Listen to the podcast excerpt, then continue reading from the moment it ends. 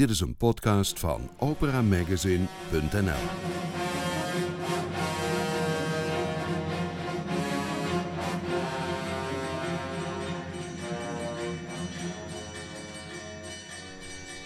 Welkom in Studio Nibelheim.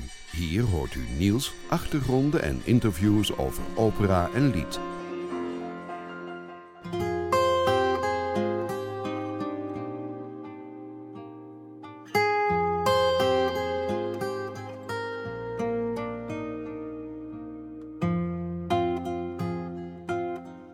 ...2020 was een jaar zoals er nog geen jaar geweest is. Dat gold natuurlijk ook voor 2019 en het zal gelden voor 2021, maar toch. De pandemie legde een ongekende druk op de hele wereld, ook op die van theater, concerten en opera. Er gebeurden dingen die niemand voor mogelijk had gehouden en er gebeurde vooral heel veel niet.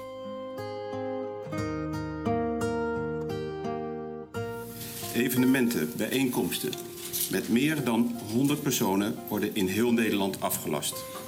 Dat geldt ook publieke locaties zoals musea, concertzalen, theaters, sportclubs en sportwedstrijden.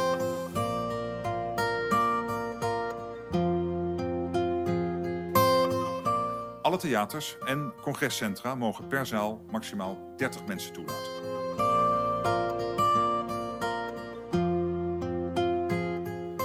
Aantal bewegingen en contacten te verminderen gaan alle publiekelijk toegankelijke gebouwen en doorstroomlocaties binnen en buiten voor twee weken dicht. Dat is dus heel breed. Het geldt voor de theaters en bioscopen, voor de buurthuizen en verenigingsgebouwen, voor musea en monumenten, voor dierentuinen en pretparken. Buurthuizen, zwembaden, theaters, bioscopen en andere publiek toegankelijke ruimtes gaan weer open. En per ruimte mogen maximaal 30 personen aanwezig zijn. And I find it kind of funny, I find it kind of sad.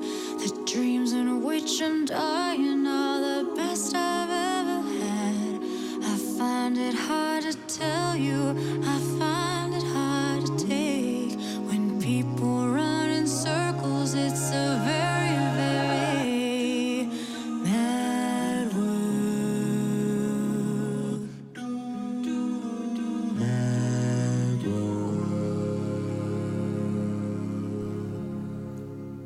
We zijn in het centrum van Amsterdam, thuis bij Willem Bruls, schrijver, publicist, dramaturg. Dekt dat de lading van jouw activiteiten? Dat dekt de lading van mijn activiteiten. Het ligt ook allemaal een beetje in elkaars verlengde. Ik, ik ben dramaturg en daarnaast zijn de activiteiten van het schrijven en, van het, en, en dan in tweede instantie later het libretto schrijven of het scenario's ontwerpen of concepten ontwikkelen met tekst eh, is daarbij gekomen.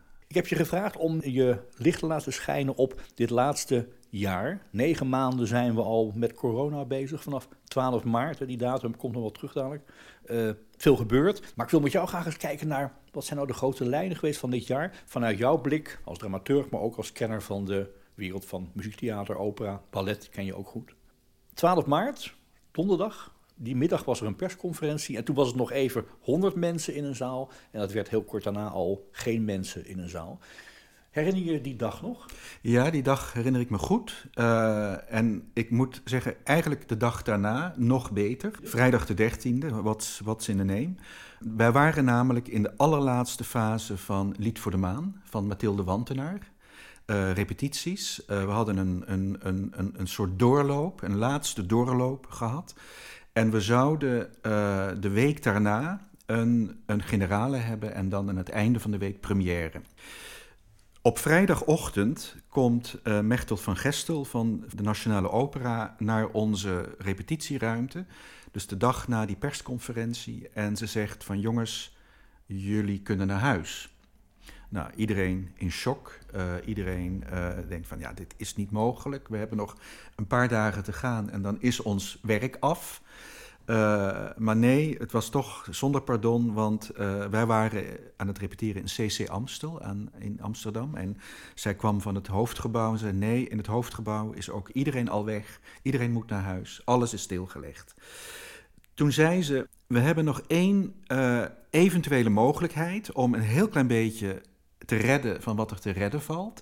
En dat is dat uh, wij voor Ritratto proberen om een registratie te maken. De opera van Willem Jets. Die zou ook dat weekend in première gaan. En ze, ze, zegt, we willen eigenlijk hetzelfde met Lied voor de Maan. We willen volgende week proberen onder veilige omstandigheden nog één keer bij elkaar te komen en dan de generale repetitie te filmen. Nou, dat was voor ons weer in alle ellende toch ook een heel klein beetje een opluchting. Dus wij gaan naar huis op vrijdag, vrijdagmiddag. En op zaterdag krijg ik een mailtje van een van de zangers in, in Lied voor de Maan. En hij zegt: uh, Jongens, ik heb corona. Uh, ik heb meegezongen in die, in die, in die, in die Johannespassie. Op 8 maart, concertgebouw. Voilà, uh, hij heeft daarin meegezongen en hij was besmet.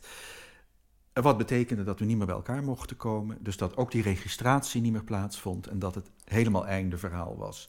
Dus dat was, een, een dat was, dat was mijn ervaring van die 12, 13 maart uh, en het begin van, van corona. Wat doet dat met een mens als het zo uit je handen geslagen wordt? Want dat is dan bijna wat er gebeurt. Um, in het begin besef je het niet. Ik weet dat ik een, een, een paar dagen nodig heb gehad om ten volle te beseffen wat er allemaal niet doorging. Want je denkt van, oh, dit niet, maar over een maand of over twee maanden wel. Uh, en dan gaan we dit ook weer doen. En dan gaan die drie andere projecten in de loop van, van de komende maanden, die gaan gewoon weer door. En over een half jaar is het allemaal helemaal afgelopen. En, en dan ga je heel langzaam in dat proces van, uh, hey, maar als dat niet kan, dan kan dat ook niet. En als dat niet doorgaat, dan valt dat ook weg. En als al die producties wegvallen in de zaal, en dan valt ook de matinee uh, en de teksten. En, en zo is dat hele kaartenhuis heel langzaam in een vertraagde, in een, op een vertraagde manier in elkaar gestort. En, en dan, ja, dan kom je uiteindelijk in de fase van het, verdriet en de, ja, ook de vraag van, en de wanhoop van uh, what's next? Wat gaan we doen om, om in leven te blijven en om te blijven werken? Herinner je nog iets van wat je toen verwachtte over hoe het dit jaar verder zou gaan? Had je daar een beeld bij? Ja, ik had een beeld dat het, uh, dat het in de zomer afgelopen was. En, en dat, dat, dat één project bijvoorbeeld was in september gepland bij het Gergia Festival in Rotterdam. Uh, Nevsky Prospect project. En geen seconde gedacht in die, in die eerste twee maanden dat dat ook niet door zou gaan. Want na de zomer is weer alles normaal. Maar goed, ja, we weten allemaal hoe het gelopen is en dat het anders gelopen is. Er was in de kunstwereld bij veel mensen wel een neiging om binnen die rare omstandigheden er iets mee te doen. Ik herinner me uh, Georgie Donato, die in New York thuis uh, haar telefoon aanzette met een camera erin en de Faust-première thuis deed met Piotr Bekchala het gala van de Met, wat wereldwijd via Skype werd geregeld. Heb jij dat soort initiatieven gezien waarbij mensen zochten naar mogelijkheden om binnen die idiote beperkingen iets te doen? Ja, ja ik heb het proberen te volgen in online, uh, op het balkon, uh, in de binnentuinen enzovoort. Wat, wat heel langzaam maar zeker aan het ontstaan was. En um, één ding heeft mij heel erg geraakt toen. En dat was al eigenlijk een beetje een tweede fase. Maar dat was wel iets wat heel erg naar binnen kwam bij mij. En dat was uh, Berliner Philharmoniker. Die uh, sowieso, denk ik, een prachtig initiatief hadden om gedwongen door die lockdown uiteindelijk na een periode van reflectie te beginnen met het, het portretteren van alle muzici. En zo had, was er elke week een, een, een klein concert in de grote zaal van de Philharmonie in Berlijn met telkens één van de muzici of twee of drie van de muzici van, van dat orkest. Dus behalve dat dat al die mensen op de been hield, leerde je ook die mensen gewoon veel beter kennen. Want ze werden ook geïnterviewd en ze hadden een verhaaltje over de keuze van de muziek. En, en, en weer iets later kwam Petrenko met een gereduceerde versie van de vierde van Mahler. Want die kon hij niet meer uitvoeren in volle sterkte. Dat was de, de, de bewerking van Erwin Stein, die samen met Schoenberg en die Gesellschaft voor Musikalische Privaataufführungen in, in Wenen al die prachtige bewerkingen heeft gemaakt. En Erwin Stein heeft die, die Maler 4 voor, een, voor ja, wat acht muzici, acht aanvoerders. Uh, en dat concert, dus die volledige symfonie met die kleine groep muzici en dan Christiane Kark, die prachtige zangeres die dat ja, op dat moment op, op haar mooist was, uh, dat prachtige lied aan het slot zingt, dat, dat kwam heel erg binnen. Dat was heel ontroerend om te zien. Fragment al maar van Maler 4, Christiane Karg en de Berliner Philharmoniker in de sfeer van de lockdown op zijn ergst.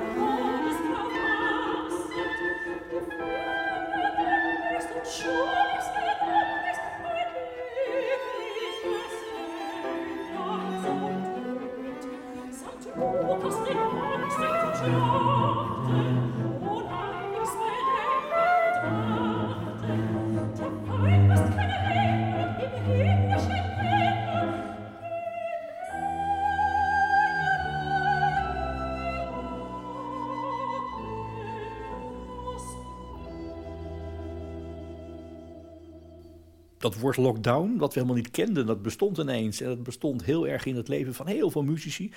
Een dramaturg en een schrijver, die kan wel door. Hè, dat bureau blijft bestaan en die laptop blijft openklappen. Uh, maar heel veel zangers, muzici, theatermakers zaten thuis en hebben daar veel over verteld. Over hoe ze geschrokken, neergeslagen of juist actief ze werden van die periode.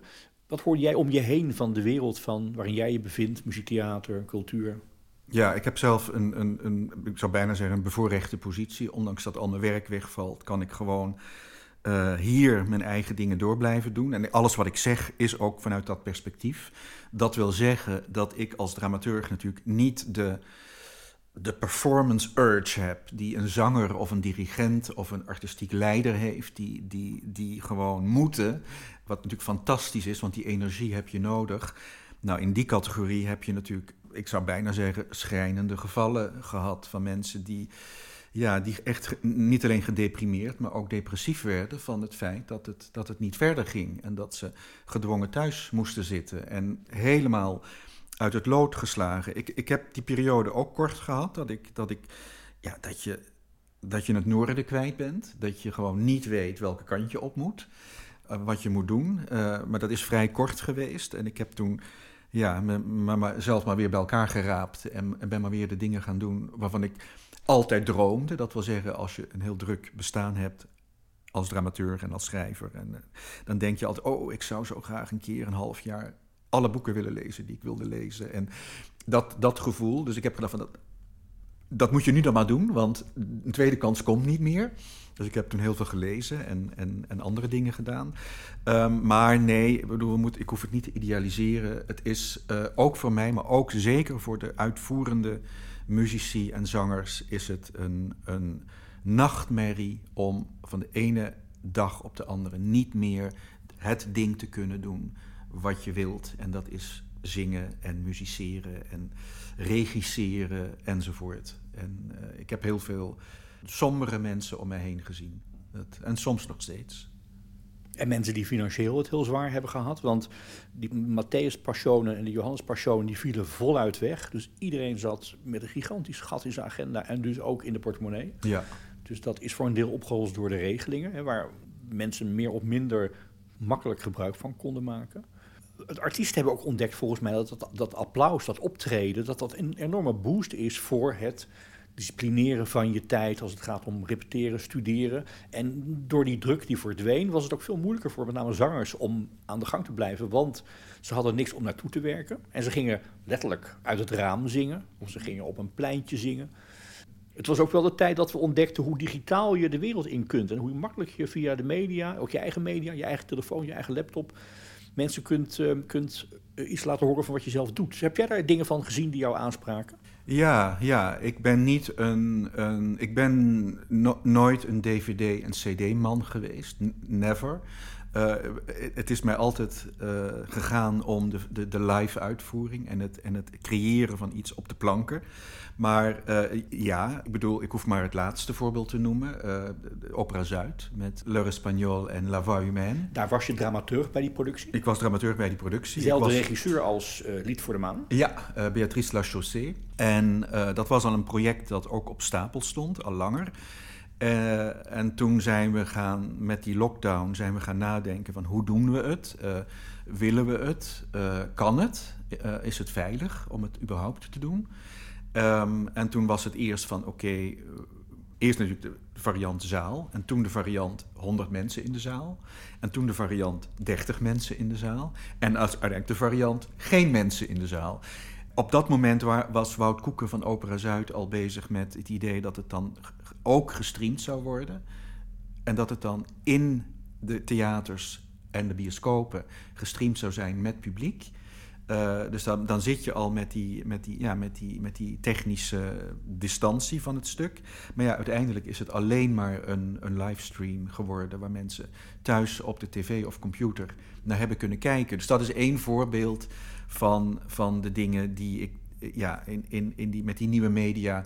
Het, het is heel belangrijk geweest dat we dat gedaan hebben. Voor de spirit van het huis, voor de spirit van de zangers, van de betrokkenen, het team. Uh, je kunt door. Daar zit een haak aan. En dat is een, een, een, een ethisch, een beetje een ethisch iets. Dat is, moet je het doen? Toen in het voorjaar iedereen zijn deuren moest sluiten en, en toen we dan hoorden, ja, de Bayreuther Festspielen, die gaan ook niet door. En X gaat niet door en Y gaat niet door.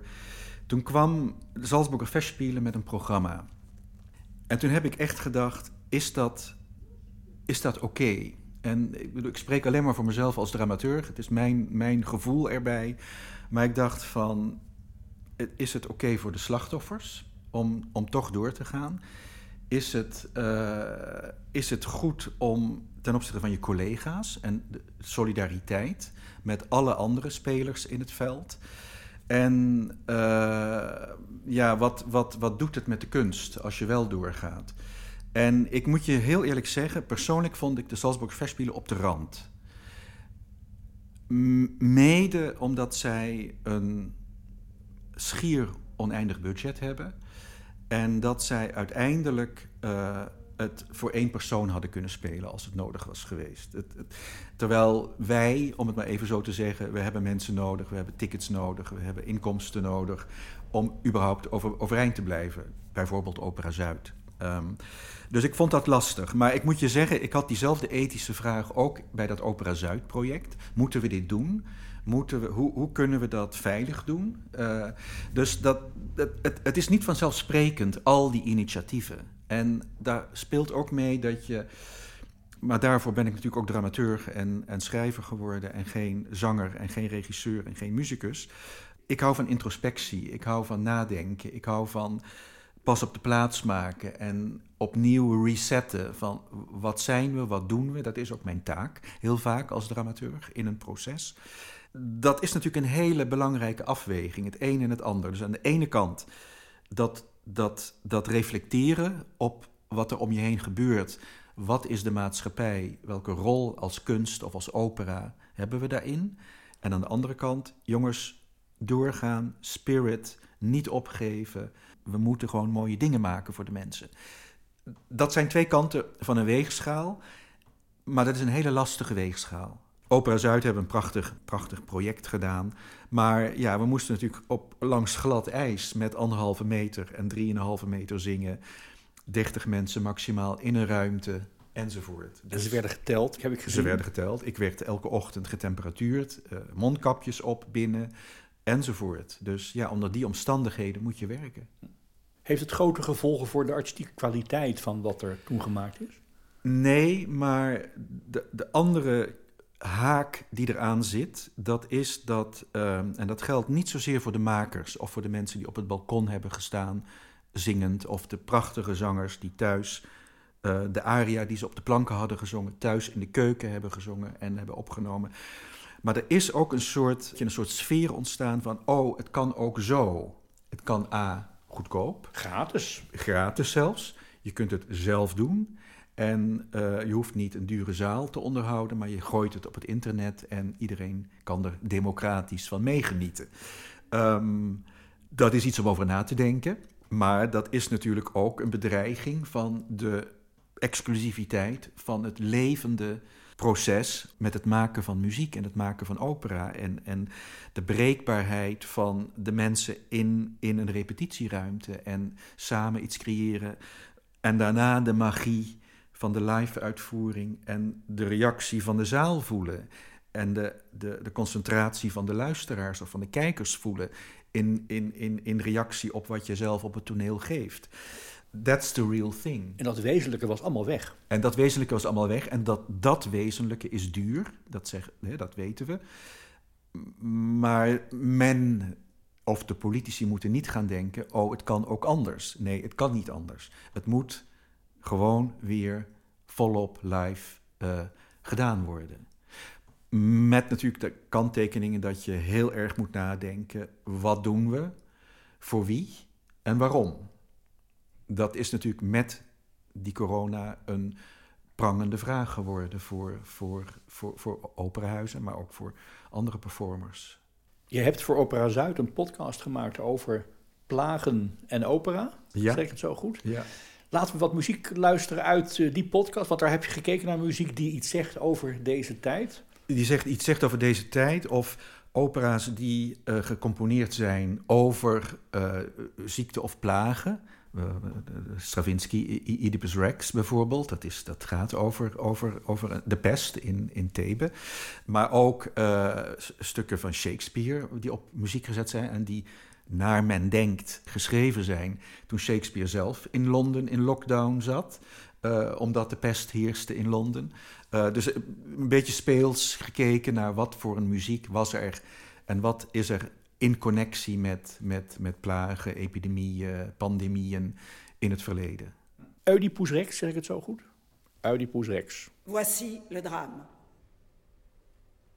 Thèbes se démoralise. Après le sphinx, la peste. Le cœur supplie Oedipe de sauver sa ville. Oedipe a vaincu le sphinx. Il promet.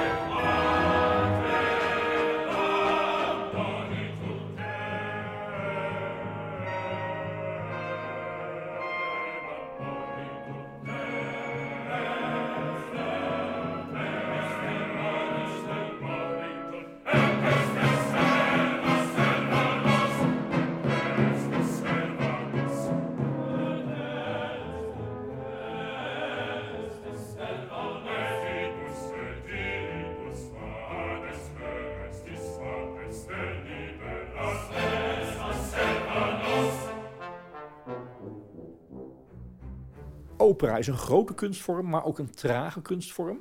De operawereld die reageerde door dicht te moeten. En um, het Duitse blad Opa heeft onlangs awards uitgereikt en ook een Award voor de grootste ergernis. Die prijs voor de grootste irritatie, die ging naar de operahuizen. En de hoofdredacteur van dat blad Oper is niet mals over zijn opvattingen over hoe die operahuizen reageerden op de crisis. Want hij zei daarover dit. Mit dem Kopf im Sand durch die Krise. Das war leider das Bild, das viele Opernhäuser vor allem zu Beginn der Pandemie abgaben. Während künstlerische Antworten auf die Einschränkung des Spielbetriebs von erstaunlicher Fantasielosigkeit, ja Dürftigkeit zeugten, gab der Umgang mit verdienstvollen Künstlern, aber auch anderen freiberuflich tätigen Protagonisten des Opernlebens einen Blick auf erschreckende Abgründe frei. Nicht wenige hochsubventionierte Häuser richteten sich bequem in der Opferrolle ein und forderten die Solidarität von Politik und Gesellschaft, die sie selbst gegenüber ihren verdienstvollsten Mitarbeitern nicht auch nur im Ansatz zeigten. markant fragmentje. Zitten twee dingen in. Uh, operahuizen deden te weinig voor het, uh, het schadeloos stellen van hun muzici. In Nederland heb ik de indruk dat dat wel netjes geregeld is. Nationale Opera, Opera Zuid en Rijksopera hebben dat volgens mij zo goed mogelijk gedaan. Dat andere is, hoe reageert een operahuis op crisis? En Nationale Opera leek gewoon drie maanden dicht. Uh, ik ben mensen gaan bellen, collega-journalisten, uh, muzici, technici, koorleden, freelancers. En het verhaal was altijd, we horen niet zoveel. Nationale Opera reageerde vrijwel niet op die crisis. Hoe heb jij de, zeg maar, de reactie van de grote instituties van dat relatief logge medium opera gezien en ervaren?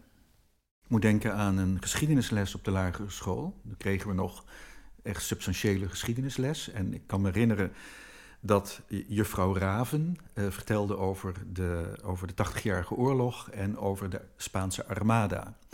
En de Spaanse Armada viel de Nederlanden en Engeland aan. En uh, die hebben een enorme vloot laten bouwen, die Spanjaarden, met enorme schepen.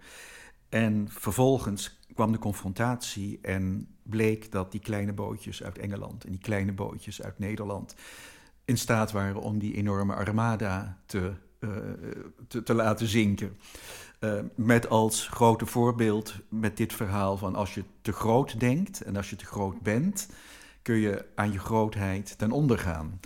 Um, daar moest ik aan denken toen, ik, toen, toen al die grote instituten, uh, Nationale Opera, ook, maar ook Concertgebouworkest bijvoorbeeld, um, ja, niks deden. En de kleintjes, die veel wendbaarder zijn, die veel flexibeler zijn, uh, allemaal initiatieven vertoonden. Of de, of de zangers of de muzici voor zichzelf.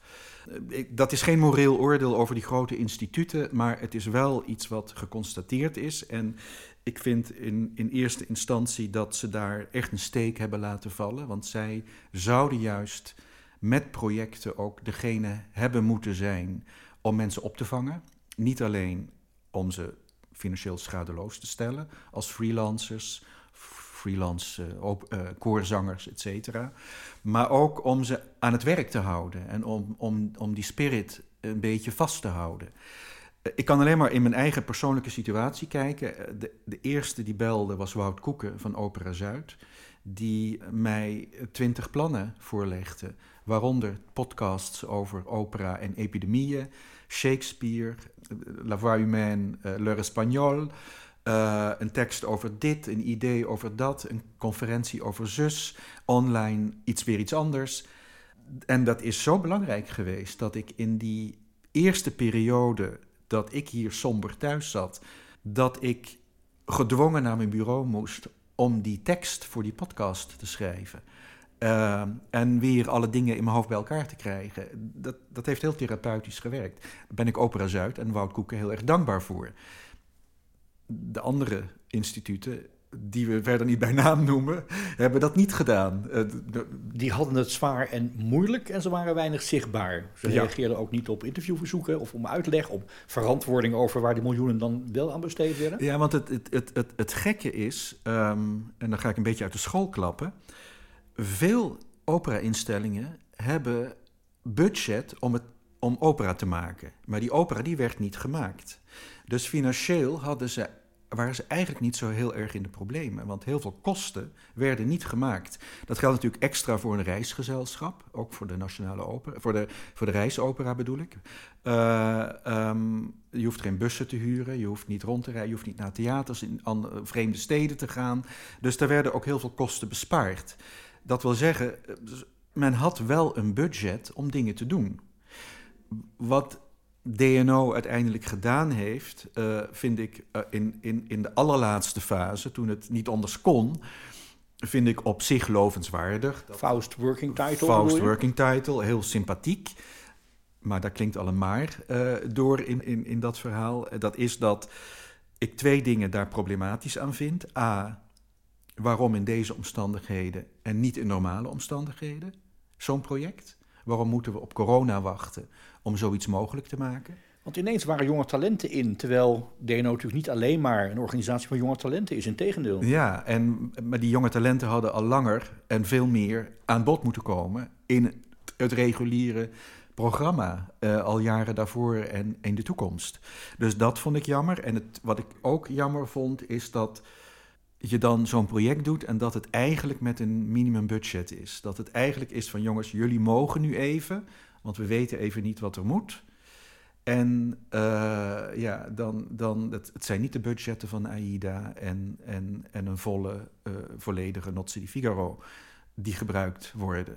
Dus dat vind ik kantjes die ik, die ik persoonlijk moeilijk vind. Maar aan de andere kant, ik ben blij dat ze iets gedaan hebben. En dat ze getoond hebben dat ze er zijn. Um, in het afgelopen jaar heb ik vanuit Opera Magazine heel veel mensen gesproken die iets gingen doen. En ik was altijd een beetje opgelucht, moet ik bekennen, als in het plan wat ze maakten, die kleinere voorstellingen, liedrecitals, als daar niet per definitie een COVID uh, verwijzing in zat. Want het wordt heel gauw cabaret, zou mijn angst zijn. Um, heb je dingen gezien die wel COVID centraal stelden en die gelukt zijn? Producties waar je van hebt gehoord of gezien die dat op een goede manier deden? Um, ik, mijn eerste reactie is nee. COVID van Toeten heb ik ergens in Scandinavië ja. voorbij zien. Ja, ik heb niet een pregnant voorbeeld waarin het, de lockdown of, het, of de ziekte uh, echt, echt letterlijk thematisch, inhoudelijk Misschien, misschien zie ik iets over het hoofd hoor, kom ik er zo op. Maar dan is productietijd van muziektheater gewoon echt een ding. Dan heb je gewoon heel veel tijd nodig voor het maken, decors. Uh... Ja, wat ik wel denk is dat dit een enorme weerslag zal hebben op, op de kunst. ook inhoudelijk. Dat er, dat, er, dat er heel veel kunstenaars, heel veel componisten, heel veel schrijvers, librettisten, maar ook zangers zijn gaan nadenken van wat is het eigenlijk wat we doen en, en hoe kunnen we daarop reflecteren? Hoe kunnen we nadenken over uh, het, het, het gemankeerd worden door een lockdown en onze kunst niet meer uitvoeren, de, de shock die dat teweeg heeft gebracht. Uh, maar er zullen ongetwijfeld, uh, bedoel, ik weet niet of er een opera op, volgens mij wel, maar op, op La Peste van, van Albert Camus.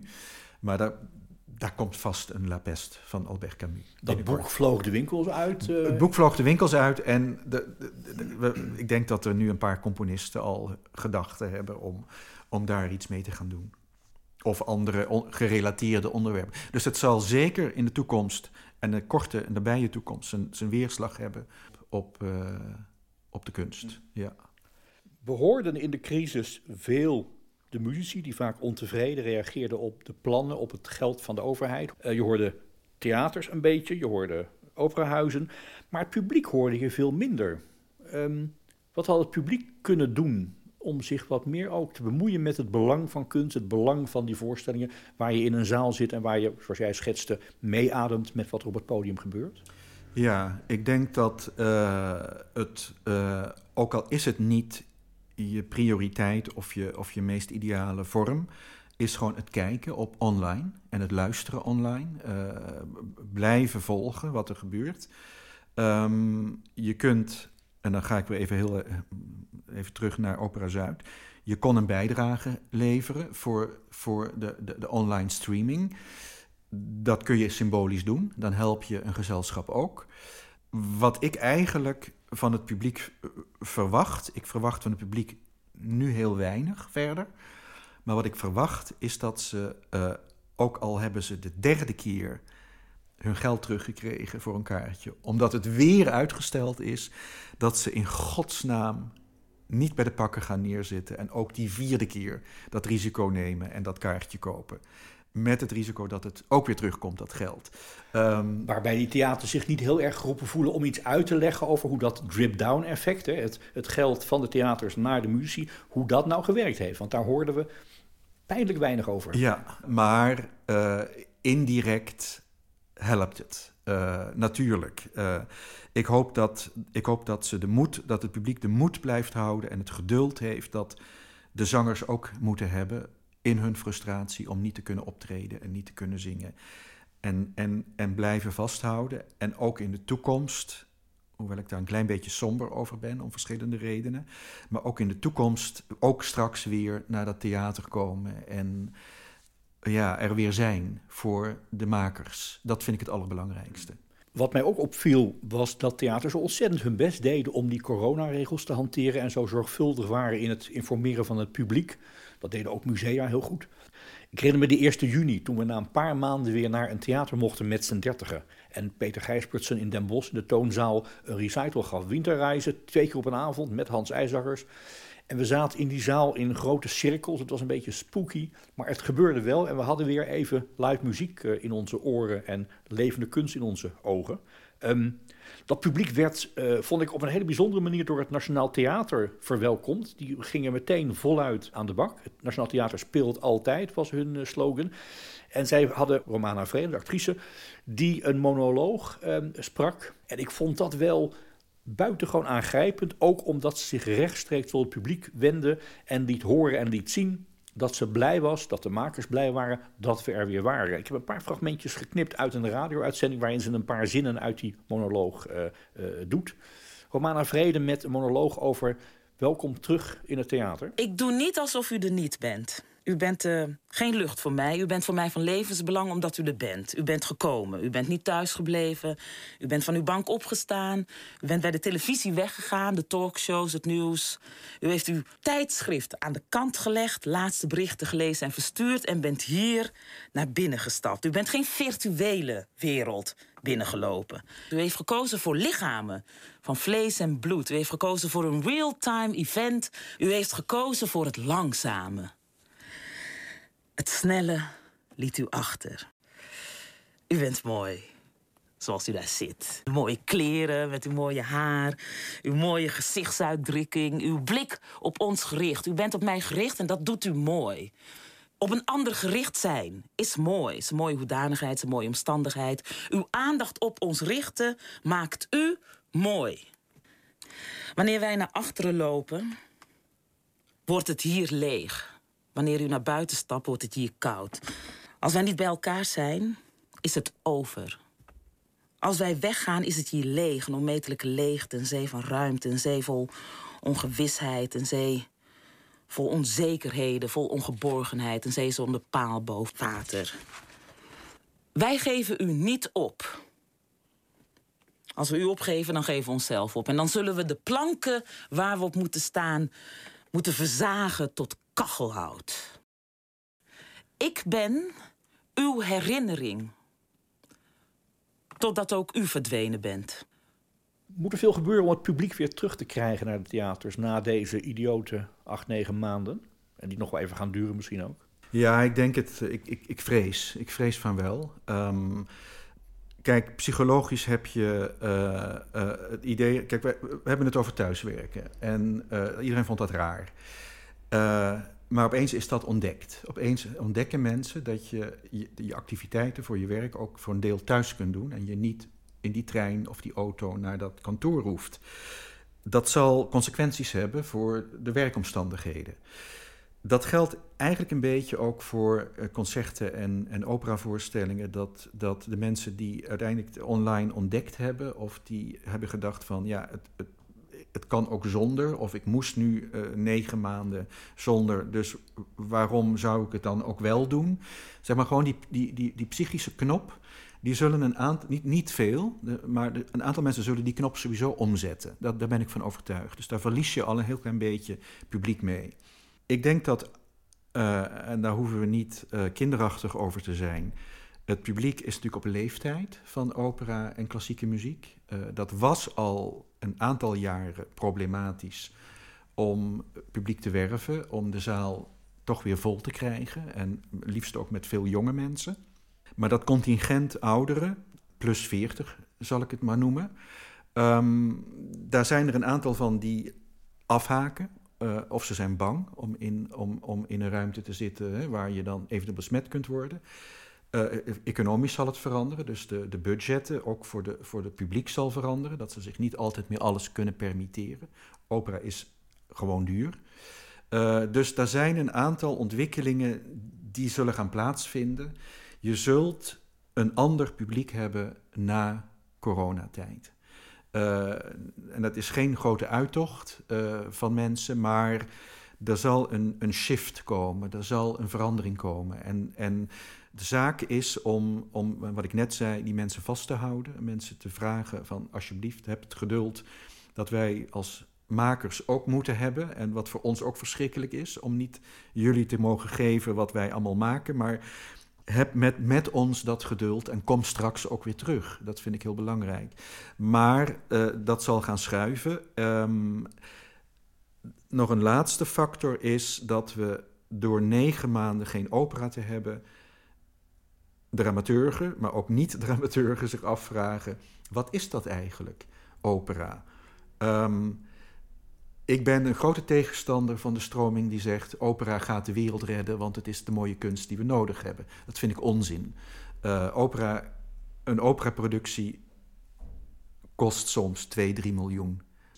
En dan heb je acht voorstellingen. Uh, is dat de kunst die wij willen financieren, willen maken? En in economisch barre tijden met corona-omstandigheden blijven voortzetten. Dus dat is een ander groot gevaar dat aan de kunstvorm kleeft. De kunstvorm is enorm duur en enorm bewerkelijk en enorm complex. Virusgevoelig ook nog? Virusgevoelig en, uh, het, en het moet excellent zijn, want anders is het ondraaglijk. Dus het moet goed zijn, want anders is het, is het geen mooie kunstvorm. De kwetsbaarheid is, is heel groot wat dat betreft. Um, ik ben helemaal voorstander van goede, grote opera. Ik hou daar ontzettend van. Maar ook ik vraag mij af, welke opera, waarom, wat, wat doen we, welke stukken doen we, wat is relevant, wat is voor een maatschappij relevant.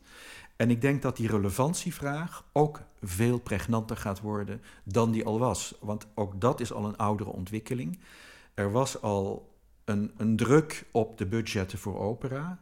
Uh, elitaire kunst, niet inclusief, uh, uh, te duur, ten koste van, van andere kunstvormen in Nederland.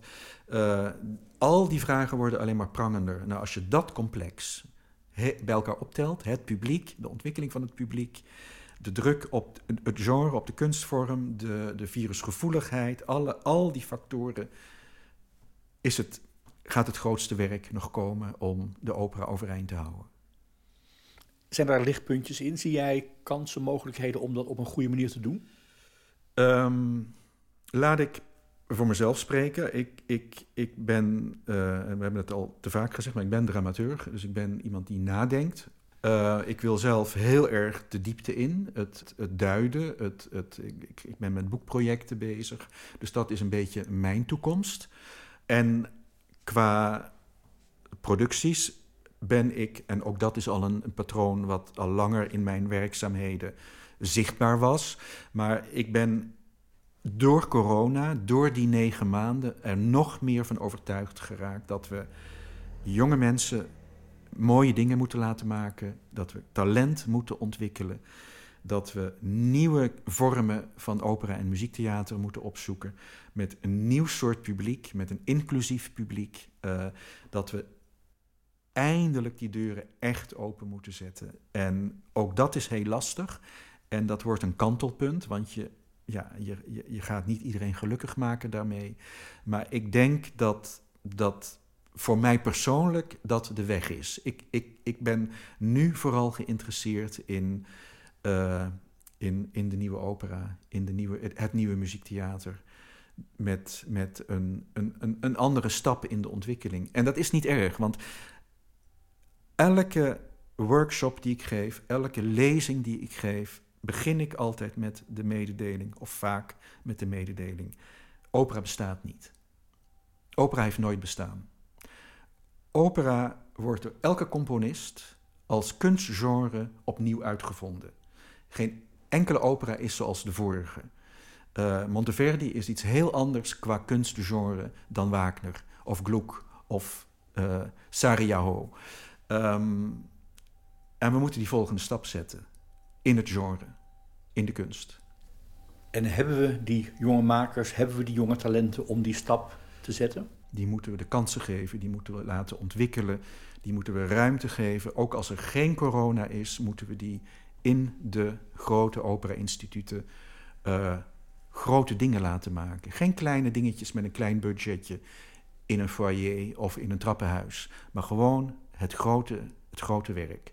Dat is belangrijk. En, en de, componisten stimuleren en de librettisten stimuleren en, en, en de jonge zangers. En het gaat me niet alleen om jong hoor, het gaat me ook om anders en nieuw en uh, creatief. Um, dan overleeft ook La Bohème.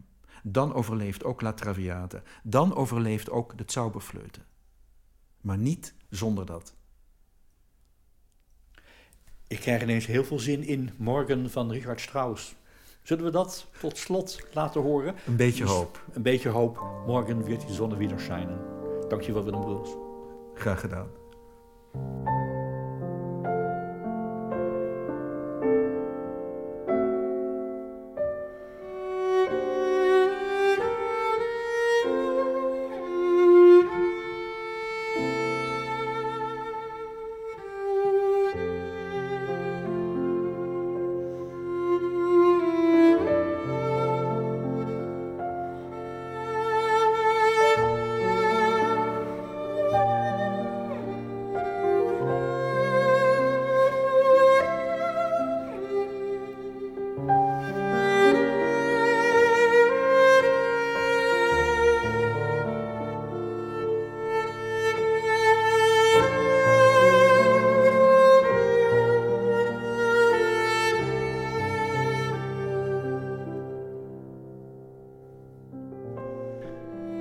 Was Studio Nibelheim, een podcast van operamagazine.nl.